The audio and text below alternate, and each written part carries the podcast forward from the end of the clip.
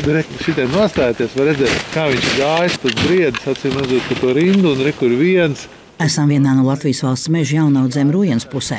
Lai arī periods, kad meža dzīvnieki tās visbiežāk mēdz apciemot, vairāk ir februāris, marts, tad te jau tagad redzams arī pavisam svaigas lauzuma pēdas. Te mēs varam redzēt citai priedai, ka šeit pat vairākas reizes ir bijusi nokosta galotne, kas nozīmē, ka koks tiek traumēts. Rietumvidzemes reģiona meža apsaimniekošanas plānošanas vadītājs Vilmārs Katkovskis rāda arī sarētojumu jaunās priedītes stumbrā, kāds tas palicis no aļņu vai briežu iepriekšējo gadu apciemojumu. Koks ir kārtīgi nomizots, viņš te sasveķojies un mēģinājis apaudzēt, bet jebkurā gadījumā šis koks ir pietiekami nopietni bojāts, un viņam var iekļūt gan infekcija, gan arī jau pats stumbrs vairs nav tik kvalitatīvs. Protams, meža audzētājiem tie ir zaudējumi, un, protams, ja mēs gribam audzēt labu, kvalitatīvu mežu, kas ir pietiekami liels izmaksas, sākot jau ar, ar pašu šādu meža ierīkošanu, kas ir uh, aptuveni 1000 eiro par hektāru, tad, protams, labam meža īpašniekam vajadzētu arī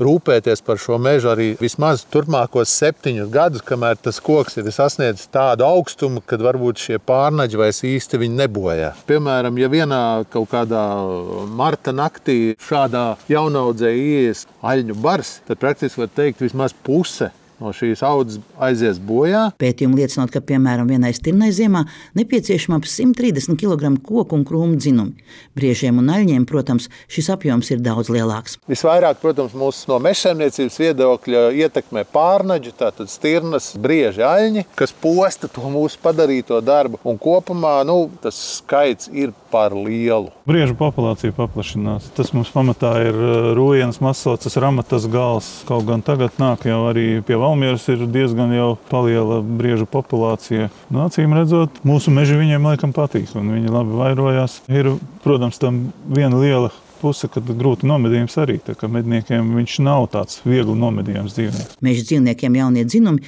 ir arī tik nepieciešamie vitamīni ziemā.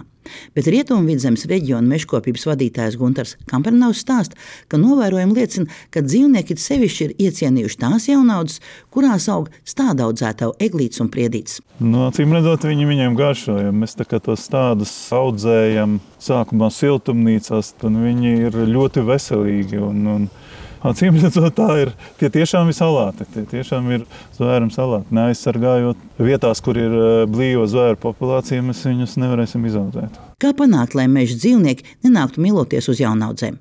Meždienas speciālisti iesaka pat vairāku pasākumu kopumu. Runājot par sadarbību ar medniekiem, Mums teiksim, ir ar viņiem vienošanās, ka barotavas neizvieto tuvāk par 100 metriem no jaunaudzēm, kas ir teiksim, megli prieda līdz 5 metru augstumam un apsi līdz 10 metru augstumam. Mēs gan pieļaujam, ka viņi drīkst izvietot šīs jaunaudzes tuvumā, bet tad viņiem jāuzbūvē šai blakus jaunaudzei žoks nu, vismaz 2,1 metru augstumā. Viens no veidiem, kā pasargāt jaunaudzes, kā stāsta Gunārs Kampernaus, ir dažādu repelentu izmantošana. Varbūt vēl redzams uz skuiņas, reku ir tāda brūna. Viņš tāds sarkanīgs pilnīgi tumši brūni. Galotnītē ir uzpūsts virsū. Šis ir divgadīgs priežu stādījums, un šī ir pirmās, teikšu, pirmās klases riska teritorija kas garšo ļoti pārnaģiem. Šādās situācijās mēs veicam vairākus preventīvus darbus. Pirmais, tas ir, ko mēs darām. Pēc kopšanas mēs apstrādājam galotnītes ar aizsargu līdzekli repelentu. Tas ir repelents, kas veidots uz kaltētu plēsēju asiņu miltu bāzes, smidzina virsū uz galotnītēm. Bet paralēli domājot par dzīvniekiem, mēs arī atstājam starpvagas neizpļautas, ja tas netraucē pamatsugas audzēšanai. Proti, atstājam visas zālājas, visas sīkos krūmiņus, avenājas, jo šie krūmiņi un jāsaka, ir galvenā barības bāze ceļš šādos sniegotos apstākļos tieši tiem pārnaģiem. Teiksim, dzīvnieks viņš mērķtiecīgi neiet uz, uz uh, mūsu stādījumu, bet iet uz, uz uh, to, kas ir starppagās atstāts. Latvijas valsts mežos tiek pielietoti četri dažādu aizsarglīdzekļu veidi, ar kuriem tiek apmērēts jauno kociņu galotnes. Svarīgi uh, pateikt, ka tur nav nekāda ķīmija. Tas jā, ir svarīgi pateikt, ka tas visi ir, visi saka, bioloģiski līdzekļi. Te gan jāteic, ka šos preparātus jāpielieto jau laikus. Vislabāk vēlā rudenī. Bet ir arī mehāniskie aizsarglīdzekļi spirāles, ar kurām tiek aptīti stumbri. Un, ja jaunaudzes platība nav liela, var izmantot arī nemazgātu aitas vilnu, uztinot to uz galvu name.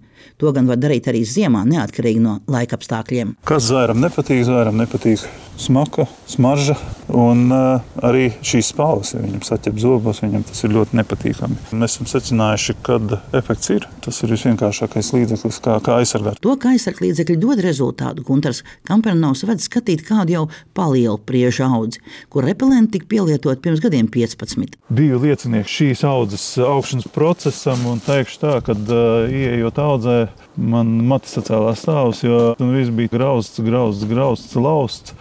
Un šī bija pirmā audze, ko mēs Valmīras iecirknī nomiglojam ar aizsargu līdzekli. Un mani pārsteidza pavasarī, marta mēnesī tas, ka viss riņķī šim nogabalam bija zvēru taku takas, bet cauri šim nogabalam neizgāja neviena zvēru pēda. Es sapratu, ka jā, tas ir tas līdzeklis, ar ko var glābt šo mežu. Protams, aizsarga līdzekļi jau nav lēts prieks.